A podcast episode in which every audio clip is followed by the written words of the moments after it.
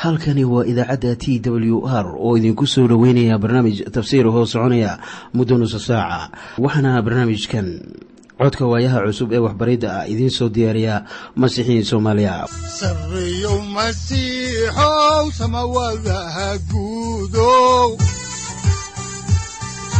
Siraadkii adduunkow subanaha eebow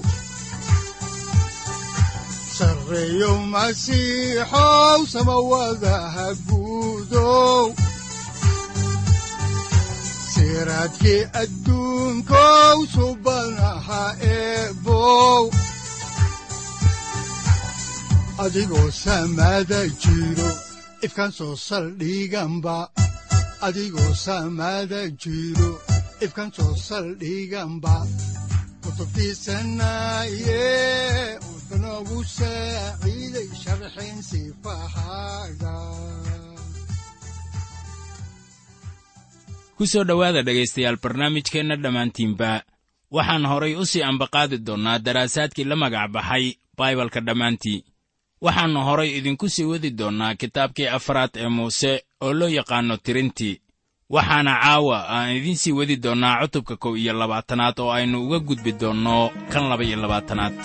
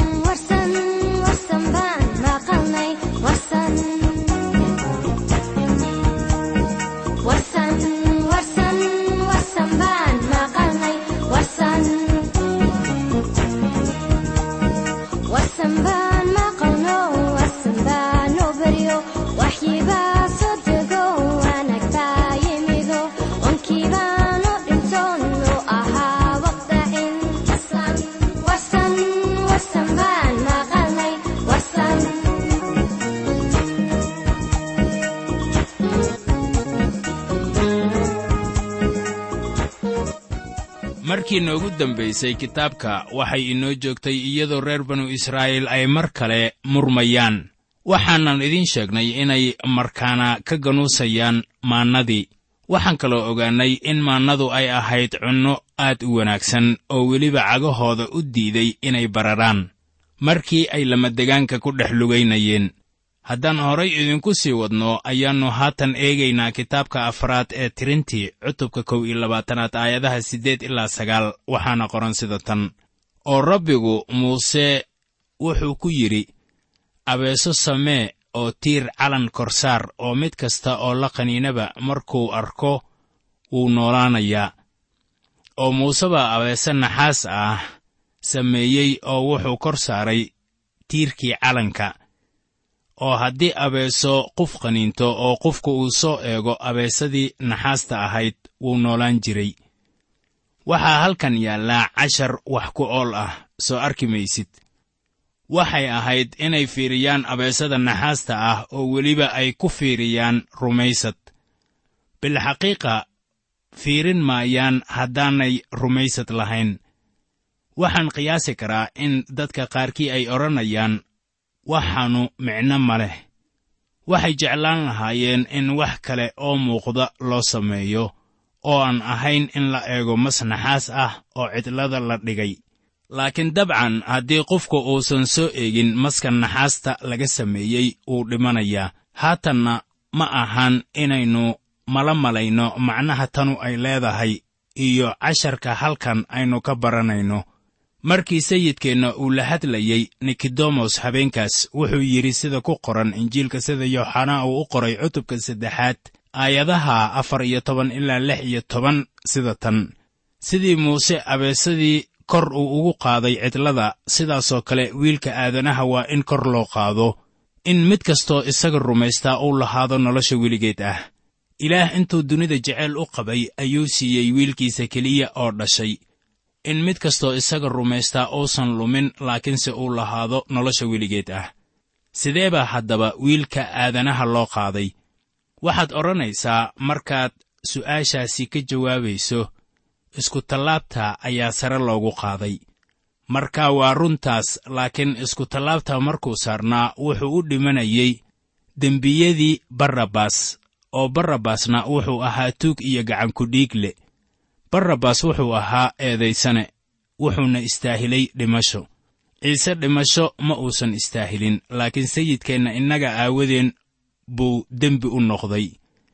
Markiise u saarnaa iskutallaabta ma ahayn oo keliya inuu galay booskii barrabas laakiin wuxuu kale oo galay ama qaatay jegadii aniga iyo adiguba aynu lahayn ilaah wuxuu sidan u sameeyey jeceylka uu inoo qabo aawadiis laakiin ilaah inaguma badbaadinin jeceylkiisa laakiin wuxuu inagu badbaadiyey jeceylka wiilkiisa. Lama odhan ilaah intuu dunida jeceyl u qabay ayuu dunida badbaadiyey. Sidaas ma ahan laakiin waxaa qoran ilaah intuu dunida jeceyl u qabay ayuu siiyey wiilkiisa keliya oo dhashay. Haddaba wuxuu ilaah ku weyddiisanayaa saaxib inaad eegto maskaas naxaasta ah oo aad noolaato. Kuwii aan eegin way diideen. Sidaas ayay u sahlan tahay badbaado maanta. Waxaad ciise u eegaysaa inuu yahay badbaadiyahaaga. Amase badbaado heli maysid waa labadaas.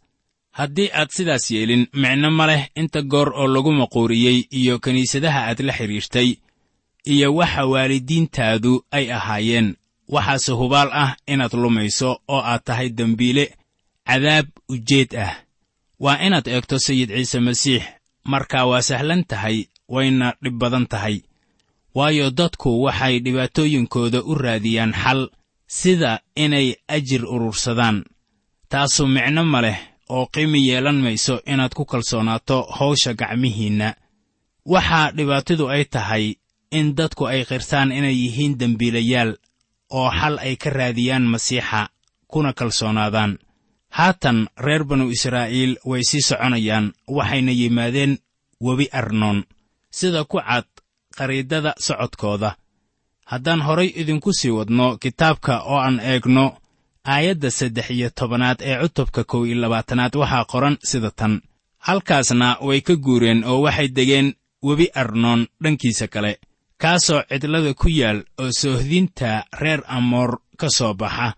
Waayo webi arnoon waa soohdinta reer mo'aab oo wuxuu u dhexeeyaa reer mo'aab iyo reer amoor. Haddaan horay u sii soconno ayaa waxaa ku qoran aayadda lix iyo tobanaad sida tan oo halkaasna waxay uga guureen xagga bi'ir kaasoo ah ceelkii rabbigu uu muuse kaga yidhi dadka oo dhan soo ururi oo anna biyo waan siinayaa haatanna waxaan soo gaarnay heeskii koowaad. Bal dhegayso sida heeskanna uu kaga duwan yahay wixii aynu soo aragnay baryaha kan.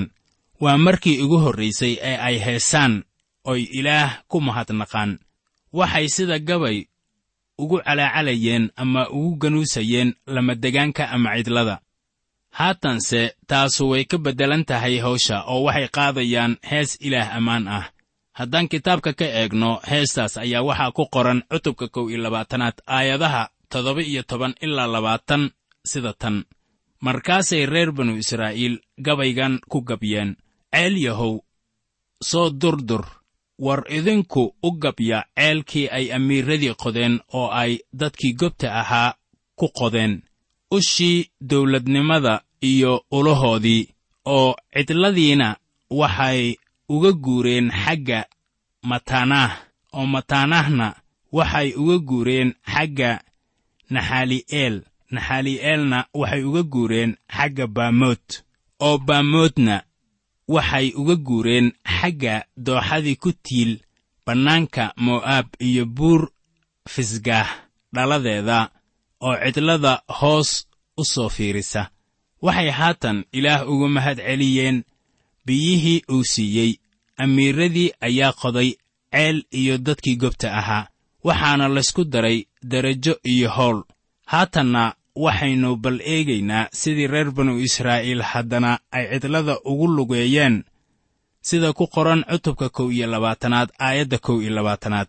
Markaasay reer banu israa'iil wargeeyayaal u direen siixoon oo ahaa boqorkii reer amor israa'iil waxay iminka weydinayaan siixoon oo ahaa boqorkii reer amor inuu meel ay maraan ka siiyo dhulkiisa.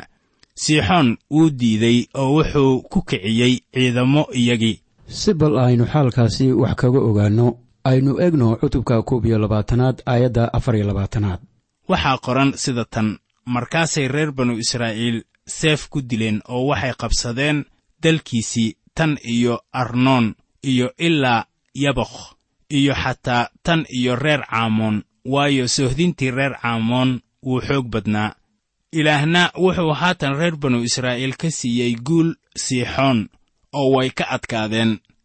Haddaan soo koobno ayaa waxaa ku qoran aayadda saddex iyo soddonaad ee cutubkan kow iyo labaatanaad sida tan oo intay leexdeen ayay waxay tageen xagga jidka baashaan loo maro.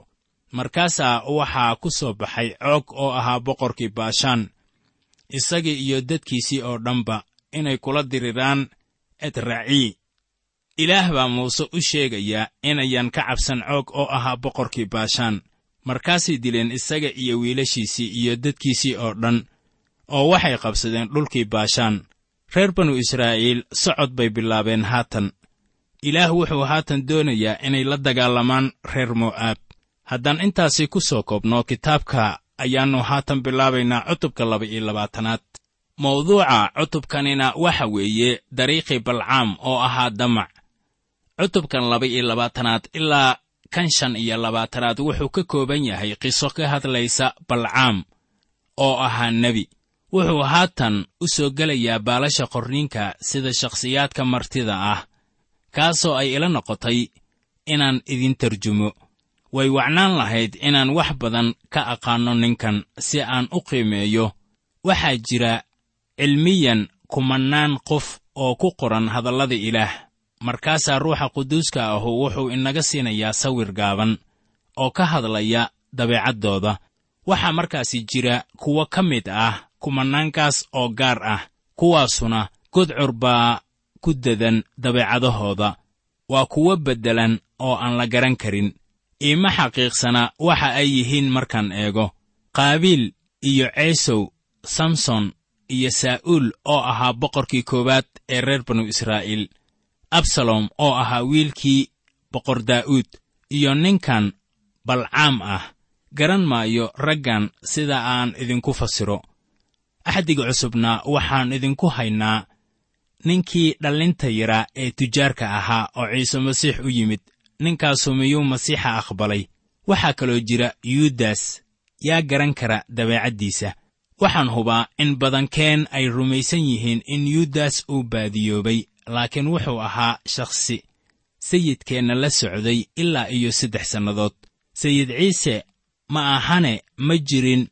Mid garan karaya waxa uu samayn doonay. Waxaa kaloo ku qoran axdiga cusub demas demas wuxuu u muuqday nin daacad ah. Dabeetana wuxuu dayriyey rasuul bawlos maxaanse ka odhan karaynaa ananiyas iyo safira? Haddaba balcaam wuxuu ka mid ahaa shakhsiyaadkaas dabeecaddoodu ay adag tahay in la fahmo. Nin qoraa ah ayaa yidhi ninkaasu wuxuu ahaa kan ugu shisheeya shakhsiyaadka lagu sheegay qorniinka qaar ka mid ah qorayaasha ayaa waxay leeyihiin wuxuu ahaa nebi quman oo ilaah. Qaar kalena waxay leeyihiin wuxuu ahaa mid ka faa'iidaysta waxa uu garanayo.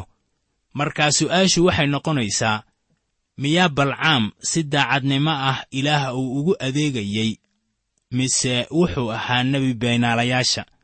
Marka ay sidaas tahay ayaan doonayaa in adigu aad xaakin isku noqoto marka aynu idinla wadaagayno dabeecadda rasmiga ah ee ninkanu uu lahaa iyo waxa qorniinku uu ka leeyahay waxaan odhan karaynaa ninkanu ma ahayn nin istaahila inaynu ka hadalno. Waxaanse ku leeyahay hadalladii ilaah waxay meesha u keeneen ninkan ayaa ahmiyad weyn leh.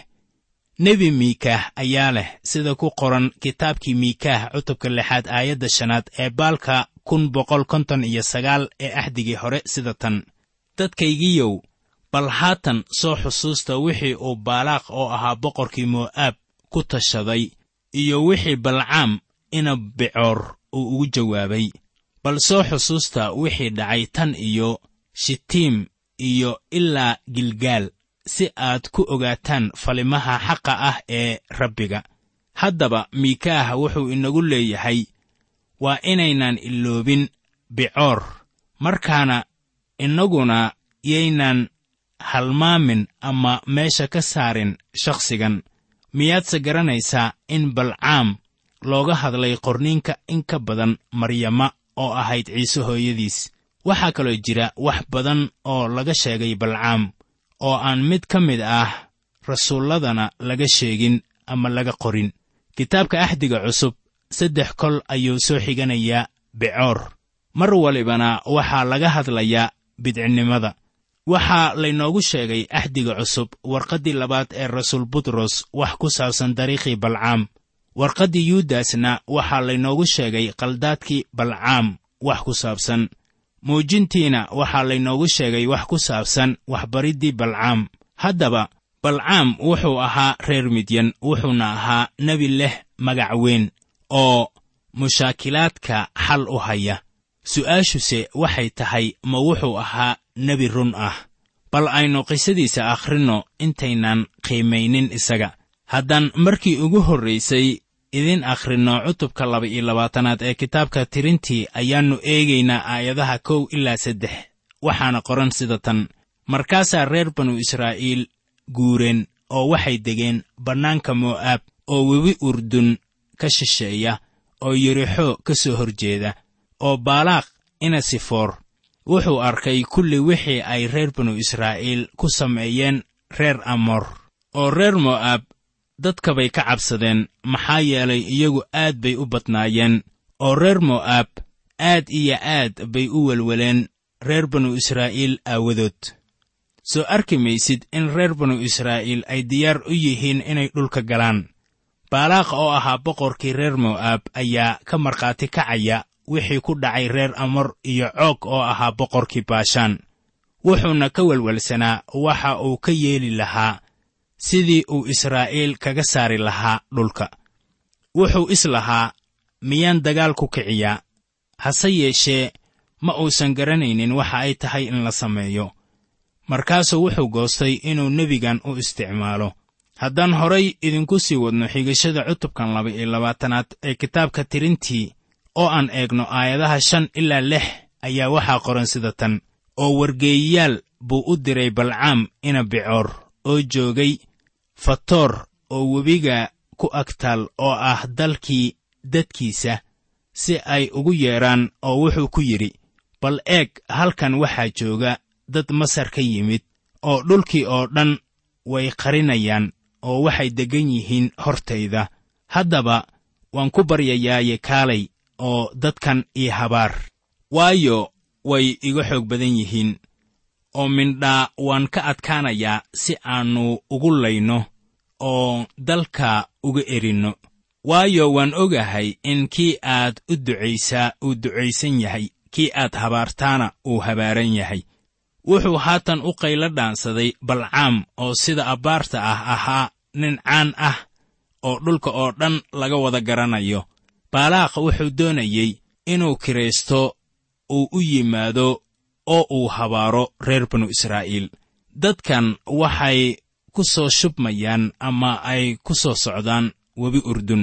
Baalaaqna wuxuu doonayaa in dhulka laga eryo haddaan horay idinku sii wadno kitaabka tirintii aayadda toddobaad waxaa qoran sida tan markaasaa odayaashii reer mo'aab iyo odayaashii reer midyan waxay gacantooda ku qaadeen abaalgudkii habaaridda oo waxay u tageen balcaam oo isagay kula hadleen erayadii baalaakh wuxuu baalaakh diray wargeeyayaal si uu ugu guulaysto isaga. Ninkanu wuxuu lahaa magac sidaad arkaysaan. Farriinwadayaashu waxay sii qaadeen abaalgudyo ay siinayaan nebiga balcaam wuxuu ahaa nin dadka habaara. Baalaaqna wuxuu siiyey hadiyad qiimi leh isagoo u sii marinaya wargeeyayaashan haddaan horay u sii wadno kitaabka waxaa ku qoran aayadda siddeedaad sida tan oo isna wuxuu ku yidhi iyagii caawa halkan ku barya oo anna war dambaan idinka keenayaa wixii rabbiga uu igula hadlo. Markaasay amiiradii reer mo'aab la hoydeen balcaam wuxuu haatan si daacadnimo leh u eegayaa balcaam waxa doonista rabbigu ay tahay. Wuxuu sida abbaarta ah yahay nin ilaah la xidhiidha bal ogow oo u fiirso waxa ku qoran aayadahan waa sagaal ilaa kow iyo tobane ee cutubkan laba iyo labaatanaad waxaa qoran sida tan. Markaasaa ilaah balcaam u yimid oo wuxuu ku yidhi war nimankan kula jooga yay yihiin.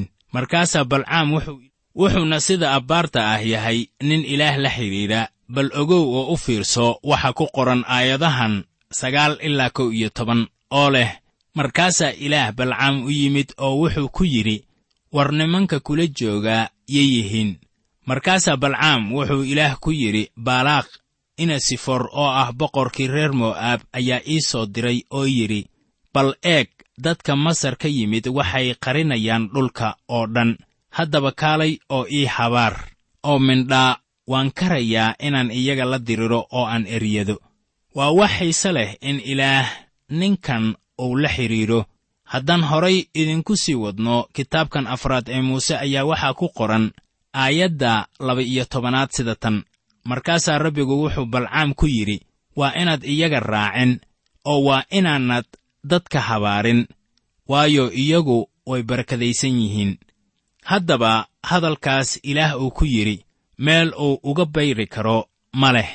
Bal haatanna waxaad eegtaa waxa balcaam uu sameeyo sida ku qoran aayadda saddex iyo tobanaad oo leh aroortii dambe ayaa balcaam kacay oo wuxuu amiiradii baalaaq ku yidhi dalkiinnii taga waayo rabbiga fasax buu ii diiday inaan idin raaco balcaam wuxuu haatan u muuqdaa sida nin daacad ah oo ilaah.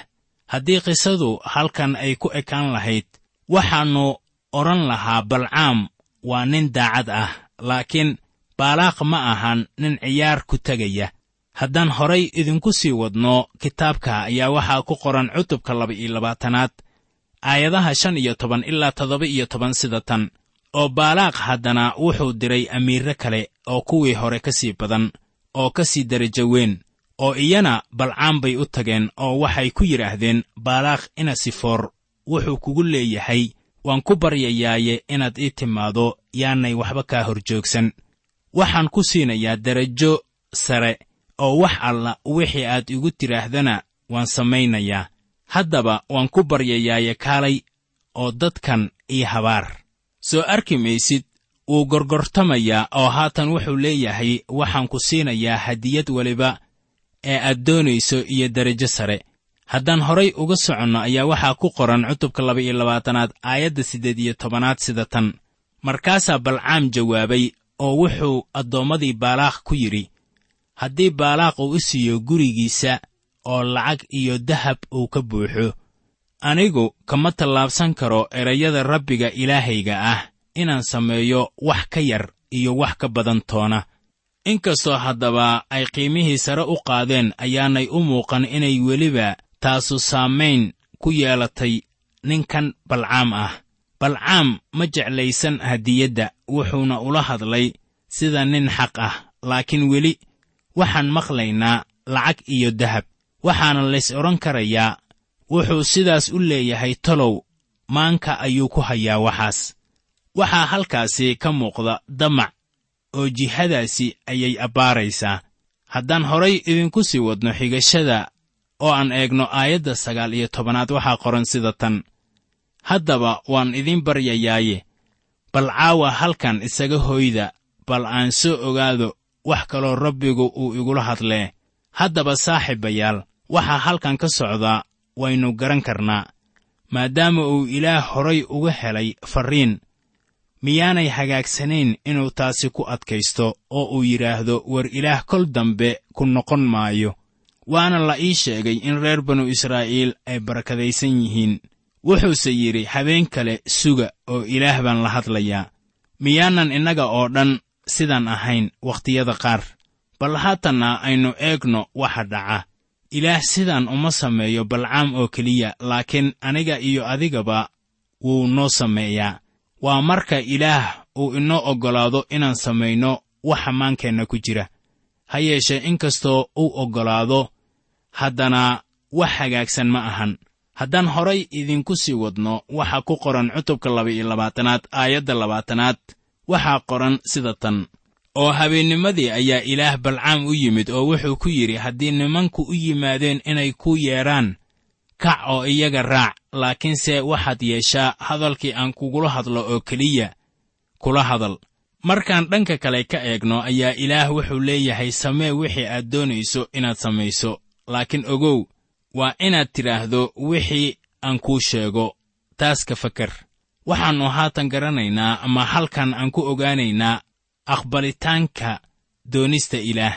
Wuxuu inoo oggolaadaa marar badan inaan samayno shay innaga un aynu doonayno inaan samayno. Marka taasuna ayan ahayn doonistiisa. Waxaad xusuusataa sida aynu u barannay ama kaga barannay reer banu israa'iil in ilaah oggolaaday codsiyadooda laakiin uu ruuxooda u soo diray caatow. Mararka qaar wuxuu oggolaanayaa waxa aynu codsanno. Nafsaddeennuse waxay lahaanaysaa caatow. Haddaan horay idinku sii ambaqaadno kitaabka oo aan eegno aayadaha kow iyo labaatan ilaa saddex iyo labaatan ee cutubka laba iyo labaatanaad waxaa qoran sida tan. Oo subaxdii dambe ayaa balcaam uu kacay oo dameertiisii kooraystay kolkaasuu raacay amiiradii reer mo'aab oo ilaah carradiisiina way kululaatay maxaa yeelay balcaam baa tegey. Markaasaa malaa'igtii rabbiga jidka istaagtay iyadoo cadow ku ah isaga.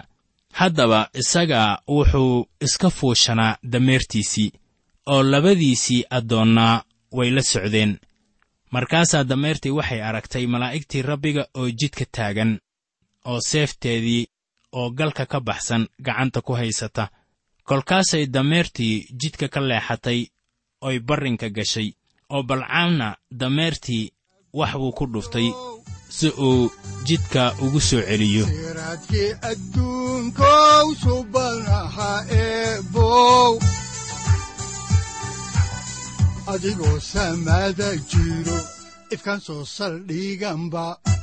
Adigoo samaada jiro ifkan soo saldhiganba saaciiday halkani waa t w r idaacadda t w r oo idinku leh ilaa ha idin barakeeyo oo ha idinku anfaco wixii aad caawi ka maqasheen barnaamijka. Waxaa barnaamijkan oo kalea aad ka maqli doontaan habeen dambe hadahan oo kale haddiise aad doonaysaan in aad fikirkiina ka dhiibataan wixii aad caawi maqasheen ayaad nagala soo xiriiri kartaan som t w r at t w r c o k e haddii aad doonaysaan in aad dejiisataan oo kaydsataan barnaamijka ama aad mar kale dhegaysataan fadlan mar kale booqo www t w r o r g. Amase www t t b t w r o r g. Amase waxaad teleefoonkaaga ku kaydsataa ama ku download garaysataa agabyada ku sahli karaa dhegeysiga t w r haddii aad doonayso in laga kaalmeeyo dhinacyada fahamka kitaabka amase aad u baahan tahay duco fadlan fariimahaaga soo mari bogga aaraahda ama kommentska inana jawaab degdeg ah ayaanu ku soo diri doonaa amase ku siin wihiyow saacadda timid dhulka sabada ku dhalatiyo